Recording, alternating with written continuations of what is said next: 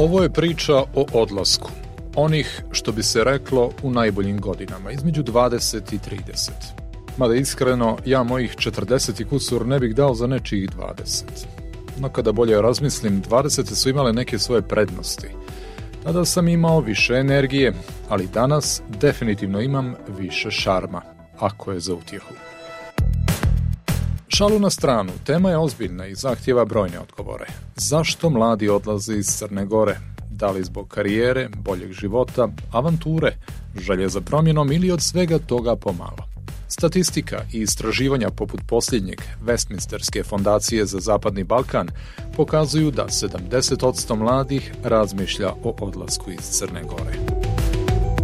Ja sam Predrag Tomović, a u ovom podcastu Radio Slobodna Evropa govorimo o tome zašto mladi odlaze i zašto se češće odlučuju za opciju domovina je tamo gdje ti je dobro, a ne za onu svuda pođi, ali kući dođi.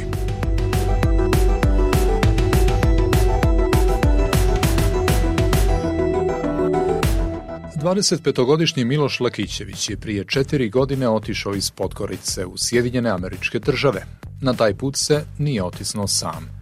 Sa njim su pošli dvojica braće i roditelji, dakle cijela familija. Miloš je danas vozač velikih američkih kamiona kojima prelazi hiljade kilometara prevozeći raznu robu. Miloša smo pozvali rano ujutru po američkom vremenu dok je bio za volanom.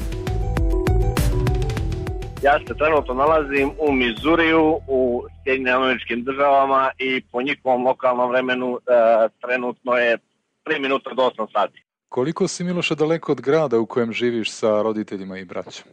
A trenutno u gradu u kojem živim jedno po, njihovo, po njihovim mjerama po autoputu jedno 8 do 9 sati vožnje.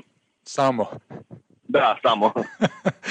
dakle, dakle, dok si na poslu, tebi je kamion i krov nad glavom i kancelarija, ako to tako mogu da kažem. Kako to izgleda u realnosti? Koliko je to zahtjevno za, za osobu poput tebe?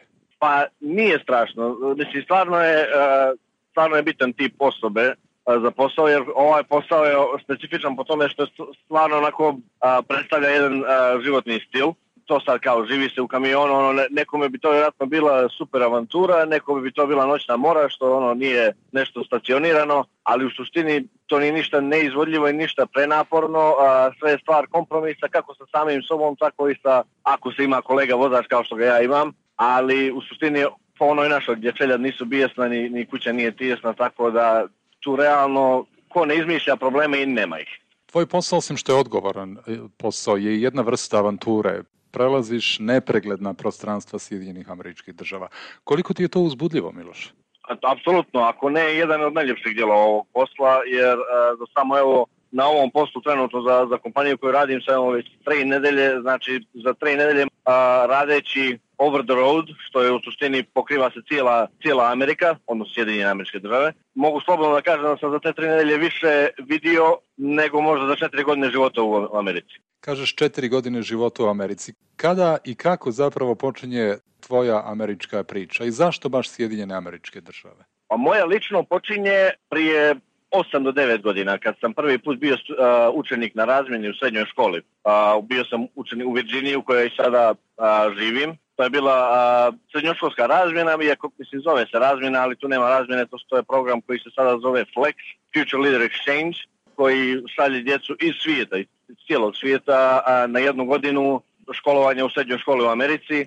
To je naravno sve plaćeno od State Departmenta i pokriveno, tako da je u suštini jedno jako korisno i nevjerojatno iskustvo.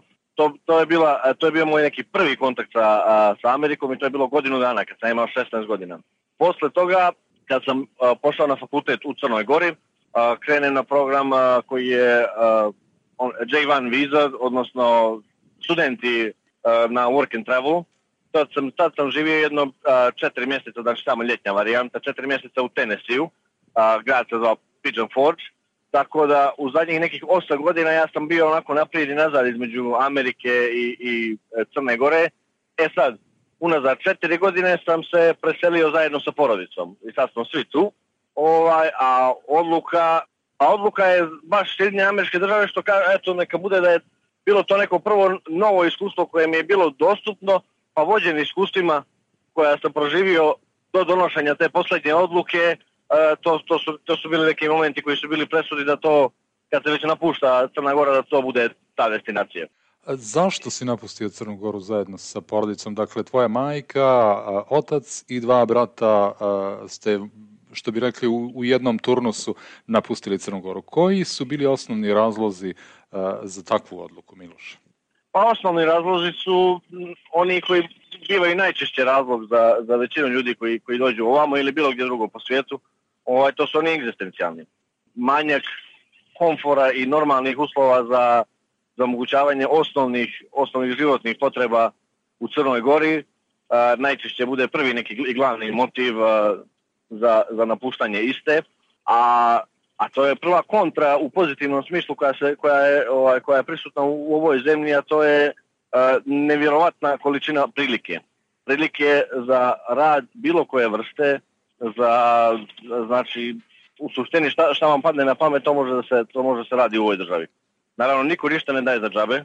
Znamo ono da ima raznih stereotipa, a, u Americi je lako, pa država puna para i sve, sve to ok, stvarno, i, i, ima, ovaj, ima se gdje zaraditi kako, ali činjenica je da se mora raditi, niko ništa ne da za džabe, ali velika prednost je što kogod hoće nešto da radi, ne može da nema posao. Znači, skoro pa ne postoji mogućnost da se nema posao sve dok čovjek želi nešto da radi. Miloše, e, budući da ti e, ovaj duži četvorogodišnji period nije bio prvi dolazak zapravo u Ameriku, odnosno u Sjedinjene američke države, dakle i, i dva puta prije toga si bio. Koliko ti je sada na duži period trebalo vremena za adaptaciju? Vjerovatno si se suočio sa razlikama u, u našem i američkom mentalitetu. Kako je išla ta harmonizacija, da je nazovem? Pa, i, i to je jedan isto, uh, rekao bih, slični moment Meni lično to ni prvi put, čak sa 16 godina, nije bilo nešto što je bila, ili bio, bio, bio neki moment koji, s koji sam morao mnogo da se ovaj da se maltretiram, da tako kažem. A, ovako kad se ljudi presele, pa, pa, pa, pa je čovjek imigrant u jednoj državi, a to, to računam da, je, da bi razlog bio slučaj svugdje, ali šta preporučujem to po ovdje. Zašto? Dosta imigranata, to se može čuti u medijima i, i lično od ljudi i u bilo kojoj verziji, ovaj, zašto dosta imigranata naiđe na otpor, možda naiđe na otpor određene zajednice u Americi u kojoj živi. E, zato što se podsvjesno ili namjerno odbija određena doza integracije u društvu, odnosno prihvatanja tog nekog njihovog stila života i prosto načina na koji njihova zajednica funkcioniše. Zajednica, kad kaže zajednica, mislim na najmanje jedinice, do, od komšiluka do, do malih gradova, uopšte ne pričam o velikim ogromnim zajednicama kao što su New York i to, jer oni, oni totalno funkcionišu na drugačijim nivoima ali kad, kad čovjek uđe u određenu uh, ovaj vrstu zajednicu u Americi, prosto uključiti se na način da, da, da, da čovjek malo prihvati. Mi, eto, kažem, porodica imigranata u Lexingtonu u kojem živimo, jedini smo ovaj s tog područja, znači sa Balkana, uvijek svi prijatelji su nam tamo uh, Amerikanci i apsolutno ne, ne doživljavamo ni jedan uh, uh, otpor ni jedne vrste u smislu da nešto da, da nas ljudi kao gledaju ispod oka ili ovo ono to što smo stranci zato što ne forsiramo uh, tu, neku, tu ne, neku našu potrebu da ono kao mi smo od nekud, vi ste odavde i sad je to sve različito. Ako ne želiš da bude različito, onda i nije različito. Reci mi, Miloše, da li si uh, iz ove perspektive uvjeren da je tvoj izbor tvoje porodice da odete bio ispravan, da je to to? Apsolutno, nažalost. Reći ću nažalost, jer ja mislim da bi ja, najljepše bi bilo da niko nikad ne mora iz svoje zemlje i ovaj, kuće da, da ide igdje, ali apsolutno sam ovaj, siguran u ovaj izbor jer a, bolji, bolji u momentu ne postoji. Da. I neće postojati, neće postojati iskreno mislim, također nažalost jedno duže vrijeme. Da li ti nešto fali odavde? Ljudi.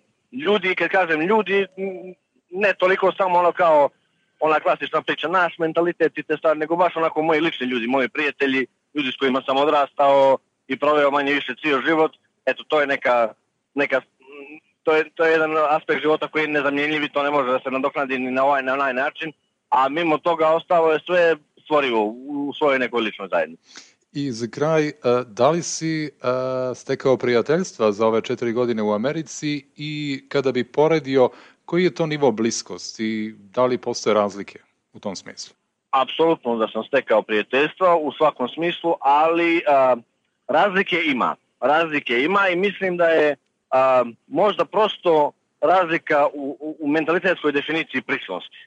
Šta mi vidimo kao prisnost i, i šta, oni, e, šta oni vide kao prisnost, ja sad ne bih tu ni usudio da definišem ni jedno ni drugo, mislim da je to nekako najbolje se vidi iz prve ruke uh, kad čovjek iskusi jedno prijateljstvo sa, sa osobom odavde i onda se vide te neke razlike, možda najčešće šta bi iz naše perspektive šta bi čovjek onako na prvu skočio da kaže da je da je tu neka već, veća distanca. U njihovim prijateljstvima malo a, a, veća emotivna distanca nego što je u našim prijateljstvima.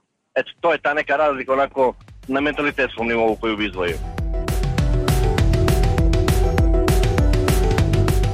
Iz Amerike se vraćamo na evropsko tlo, u Holandiju, gdje živi i radi Aleksandar Jaćimović. Aleksandar je savjetnik na istraživanjima, ekspert za podatke u sektoru za procjenu kreditnog rizika u ING banci.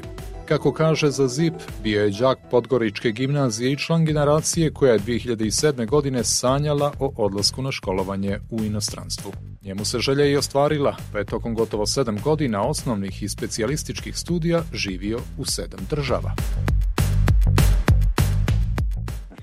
Svoje osnovne studije započeo 2007. godine u, uh, Utrechtu, na Univerzitetu Utrechtu, u Holandiji, na University College Utrecht toku osnovnih studija sam imao priliku da budem razmjene na UCLA-u u Americi. Um, nakon završenih osnovnih studija sam uh, prvi master, uh, no, sve studije su bile primjenite matematike, bukvalno, matematika, fizika major, economics and uh, neuroscience minor. I onda sam uh, prvi master sam završio, prvi dvogodišnji master sam završio uh, prvu godinu u Švedskoj na, na Chalmersu i na, na Gotemburgskom univerzitetu. Um, drugu godinu u Velikoj Britaniji na Warwicku, uh, isto u domenu primjenjive matematike. Uh, Drugi master sam završio u Barceloni a, u domenu finansijske ekonomije. Znači, Koliko je trajalo tvoje školovanje? A, znači, sve se zajedno, znači 3 plus 6, plus internshipi, znači oko, oko 6 i po 7 godina sve. Kada si razmišljao o školovanju na polju, šta je bio osnovni motiv? Zašto si pošao na polje? Znači, nekako, mi smo bili ta generacija a, koja je a, o svojim studijama u visokom obrazovanju razmišljala u tom momentu kad je Crna Gora postala nezavisna. Ja sam završio srednju školu u gimnaziju, pogreškoj gimnaziji, matematičkoj gimnaziji i mi smo bili ta prva generacija koja je diplomirala nakon nezavisnosti, znači 2007. godine i nekako uh, je bilo, postojala jedna velika želja u toj generaciji, potom ja ne sjećam se, znači, kao što je bilo da ti neki 30-40 ljudi koji su bili tad u, u našoj gimnaziji, koji su bili jako aktivni na razno raznim poljima, što svi na neki način ništa završili na stranstvu na različitim lokacijama, ali ovaj, i danje obrazovanje je bilo je ključno u toj cijeloj priči, ali dodatno je bilo to ta nekakva želja da se iskuse neke stvari, neke, neke, uh, neke inostrane, ne znam kako da kažem, uh, inostrani život, zato što smo, ta naša generacija nekako sva, uh, ja, imala je, ja kažem, koliko kontam, relativno uzak domen putovanja i uzak domen ovaj, um, kako da kažem, osvajanje svijeta do tog momenta. I mislim da smo svi dijelili nekako tu uh, jako, jako veliku želju da jednostavno vidimo šta je svijet i kako svijet funkcioniše. Dakle, Tako za tebe, izvinjam se, za da. tebe, dakle, cijela priča bila ne samo želja da se obrazuješ e, na mjestima gdje si procijenio da, da ćeš dobiti da. najbolju, najbolje e, obrazovanje, već i e, bila je to na neki način i avantura, da upoznaš sve te zemlje.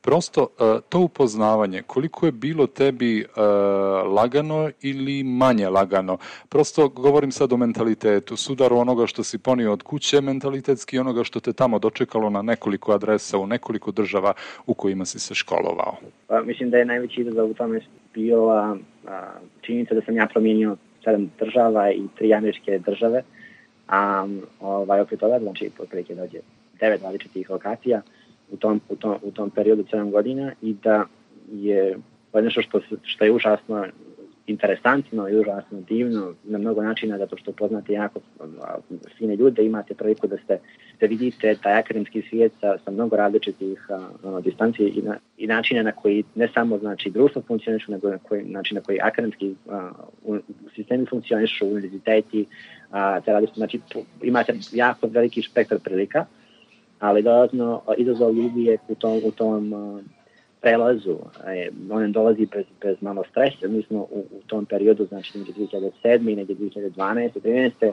i dalje bili u tom periodu gdje nismo imali a, laku viznu situaciju, a, a, imali smo mnogo, mnogo komplikacija oko toga a, da se dobiju re, i, i, sta, i boravišne dozvole i po, po osnovu studiranja tako dalje, tako da a, to su neke stvari koje su užasno stresne, znači, ali koje kao mlada osoba jako malo, opet, jako malo razmišljate o tome, mnogo ste više orijentisani na taj cilj, a cilj je da, da se dobije to, znači obrazovanje koje možda niste imali priliku da, da dobijete to treninu koje jeste i da, iz koje ste došli, da u mom, mom slučaju moje interesovanje su bila malo specifičnija nego što je a, ovaj, što je dozvoljavao obrazovanje recimo na, na Univerzitetu Crne Gore.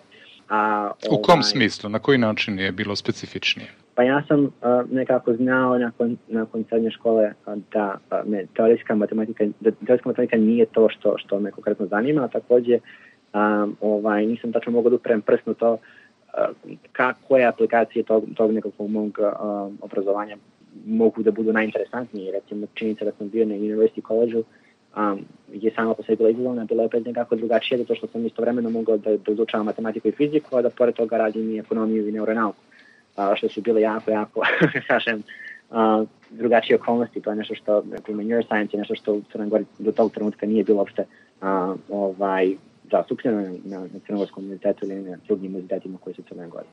Da li je to razlog, da li je to bio razlog da nakon završenih studija, odnosno školovanja, a, odlučiš da karijeru nastaviš vani, a ne da se vratiš? Ja nisam nikad bio u tom nekakvom situaciji da se nikad ne bih vratio u Crnu Goru.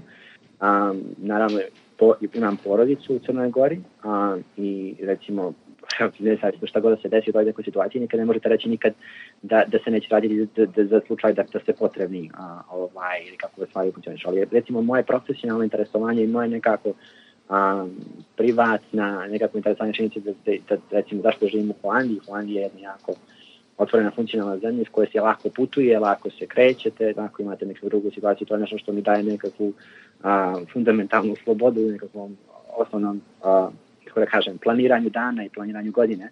Um, uh, i, i ta politička stabilnost koja postoji u Holandiji je nešto što je stvarno isto jako velika, velika, veliki benefit zato što većinu vašeg vremena provodite radeći na tome što što vas konkretno zanima i, i što, što je vaša konkretno specijalno, specijalnost i mnogo manje ste optarećeni jednom, jednom opštom situacijom. Pa, to je malo drugačije slika na Balkanu.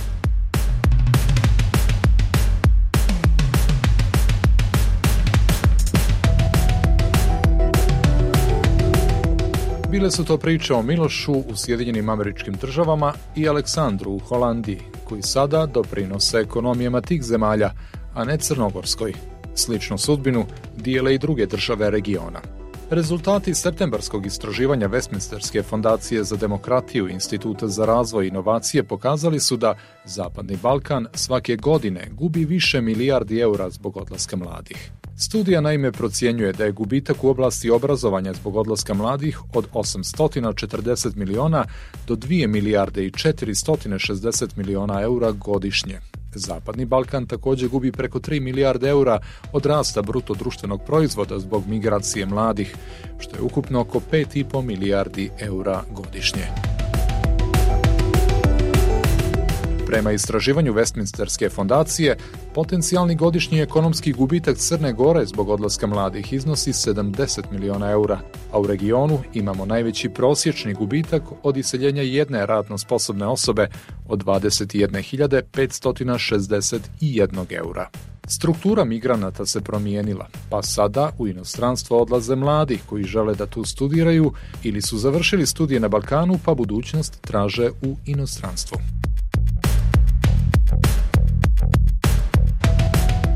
Prije dvije sedmice smo Ministarstvu javne uprave, digitalnog društva i medija poslali pitanje o tome na koji način planiraju da utiču na negativan trend migracija mladih i visoko obrazovanih koji odlaze iz Crne Gore. Zanimalo nas je da li se radi na konkretnim strategijama u tom smislu i ako da, šta je suština planova i programa. Tražili smo i podatak koliko je mladih napustilo Crnu Goru za posljednjih 10 godina, no do emitovanja ovog podcasta nije smo dobili odgovore. Moguće je da su u Ministarstvu javne uprave procijenili da ne treba nama da odgovaraju na ta pitanja, nego da ih je već na neki način absolvirao ministar financija Milojko Spajić, koji je krajem septembra obznanio Maršalov plan za Crnu Goru, Evropa sada, čiji je jedan od glavnih ciljeva da kroz povećanje plata i primjenu drugih mjera sadrži mlade u Crnoj Gori. Mladost Crne Gore ne može da čeka. Njoj treba Evropa sad. Maršalov plan predviđa smanjenje poreskog opterećenja na zarade sa sadašnjih preko 39% na 21. Znači, prepolovljavanje svih uh, opterećenja na zarade i time omogućavanje povećanja zarada. Znači, država se odriče prihoda u korist uh, rasta privrede i u korist dostojanstvenih primanja radnika. Šta to tačno znači? To znači da neće biti više doprinosa za zdravstveno osiguranje, jer svaki građanin Crne Gore ima pravo na zdravstvenu zaštitu. Uz sve najavljeno povećanje nivoa akciza, naravno, koje smo već, već se o tome govorilo preko pola godine, na proizvode koji štete zdravlju građana. Uvešćemo neoporezivi dio zarade na 700 eura bruto zarade, kao i progresivnog oporezivanja zarada, što mislimo da je jedno fair rešenje i rešenje koje koje, koje će raditi na tome da se ta nejednakost koja se stvorila, druga najveća nejednakost u Evropi smanji.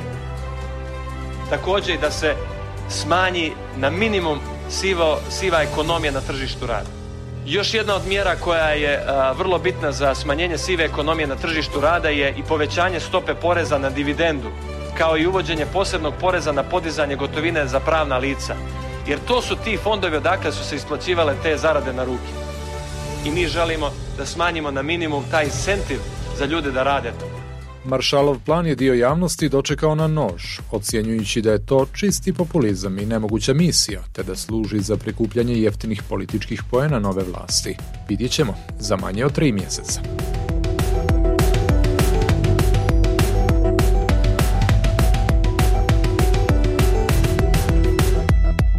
Ministrova najava spasonosnih mjera, međutim, nije zaustavila trend odlazaka mladih, jer sve više onih koji su i dalje u Crnoj Gori razmišljaju o odlasku. No nije su svima primarni razlozi posao i karijera. Ima tu i još ponečega. Podgoričanka Maja Tadić očekuje dalek put, posao, ali i avanturu. Majo, nadaš se jednom putu, a uskoro o čemu se radi? Je li u pitanju posao, avantura ili možda jedno i drugo? O čemu se radi? E, da. E, posao i avantura i zadovoljstvo, putovanje, sve u jednom nekako, ono, ovaj, kako se zove, sve je to uklopljeno.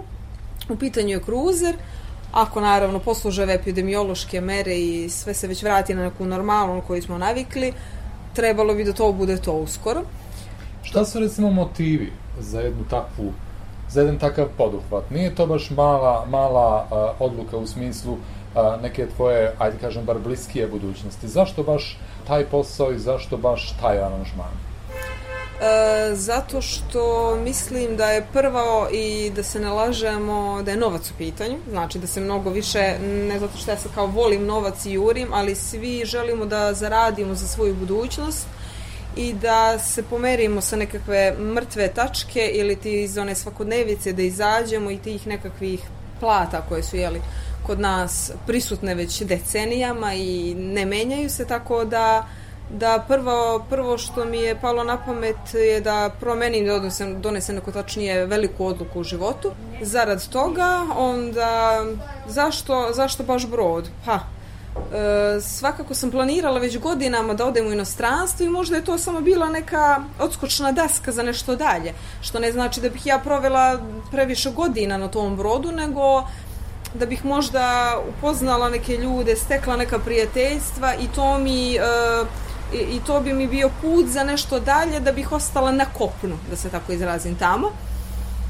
E, pa to je to otprilike što, što mene vuče tome da, da A reci mi u tom dijelu avanture, to će biti svojevrsna avantura, sam odlazak na brod, to ti je prvi put, pretpostavljam, Jeste. u životu, bar na ta, tako veliki brod. Da. U smislu avanture, da li očekuješ da ćeš, što kažeš, upoznati neke nove ljude, vidjeti neke nove prostore i da li je to jedan od motivacijonih faktora? Pa, obzirom da sam inače komunikativna osoba, meni to neće ništa teško pasti, to sigurno. I što da ne, upoznati neka nova, e, neke nove ljude, nove, kako se zove, saznati nešto novo od njih, čuti neki novi jezik, neka nova iskustva, tako da je to svakako dobro. E, da li to kroz putovanje, koje su samo putovanja turistička ili kroz posao, svakako da je dobro. To je, to je bogatstvo naravno, upoznati neke druge religije, neka, neke druge običaje, neku drugu hranu čak, tako da svakako da je interesantno. A reci e, pominješ e, planove da, da, da nakon ovoga ipak ostaneš negdje vani. A zašto sebe vidiš vani, a ne ovdje u Crnoj Gori? Pa zato što, evo, to je neko, neko iz nekog ličnog primjera, ne iz e, primjera drugih ljudi, što pokušavam 20 godina ovde da se uklopim, ne zato što sam stvorena da se uklapam, nego zato što mi jednostavno ovde m, ne odgovara, ne odgovara ambijentu mnogo, e, u, u mnogo čemu mi ne odgovara. Previše je politika ovde umešana, previše su te neke rodbinske veze koji guraju se u prvi plan, e, za neke bolje poslove, džabe si školovan ili nisi, tako da ne zadržava me ništa ovde.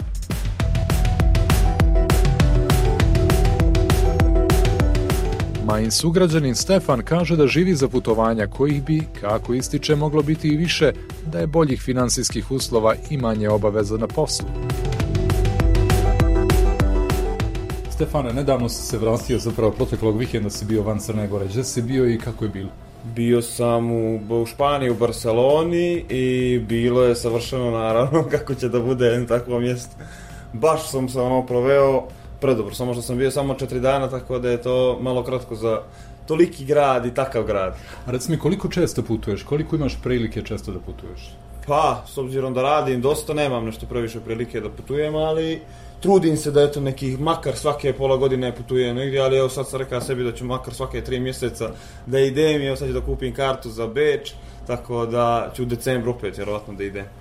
A reci mi, ne sprečavate ova COVID uh, situacija u tome, prosto koliko to otežava uh, cijelu priču o odlasku negdje u inostranstvo? A pa, dosta otežava s obzirom da sam morao da se vakcinišem prije nego što bi pošao bilo gdje, ali ono, ne, ne predstavlja mi to neki problem s obzirom da čitav svijet treba da se vakciniše i ono, nije mi to predstavio neki problem veliki. Reci mi kao mlada osoba, koliko uh, si u stanju da putuješ, a koliko bi to bilo po tebi optimalno, odnosno koliko bi volio da putuješ? Pa, volio bi da putujem dosta više s obzirom, ali nemam nekih mogućnosti za to i zbog posla i zbog finansijske situacije i države u kojoj živimo nemamo baš mogućnosti puno za sve to.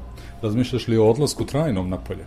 Pa, razmišljam, ali ne baš sad odma, nego za nekih par godina možda. Najviše bih volio da odem u Ameriku, ali mi nemamo mogućnost da odem u Ameriku zbog naše situacije u našoj državi.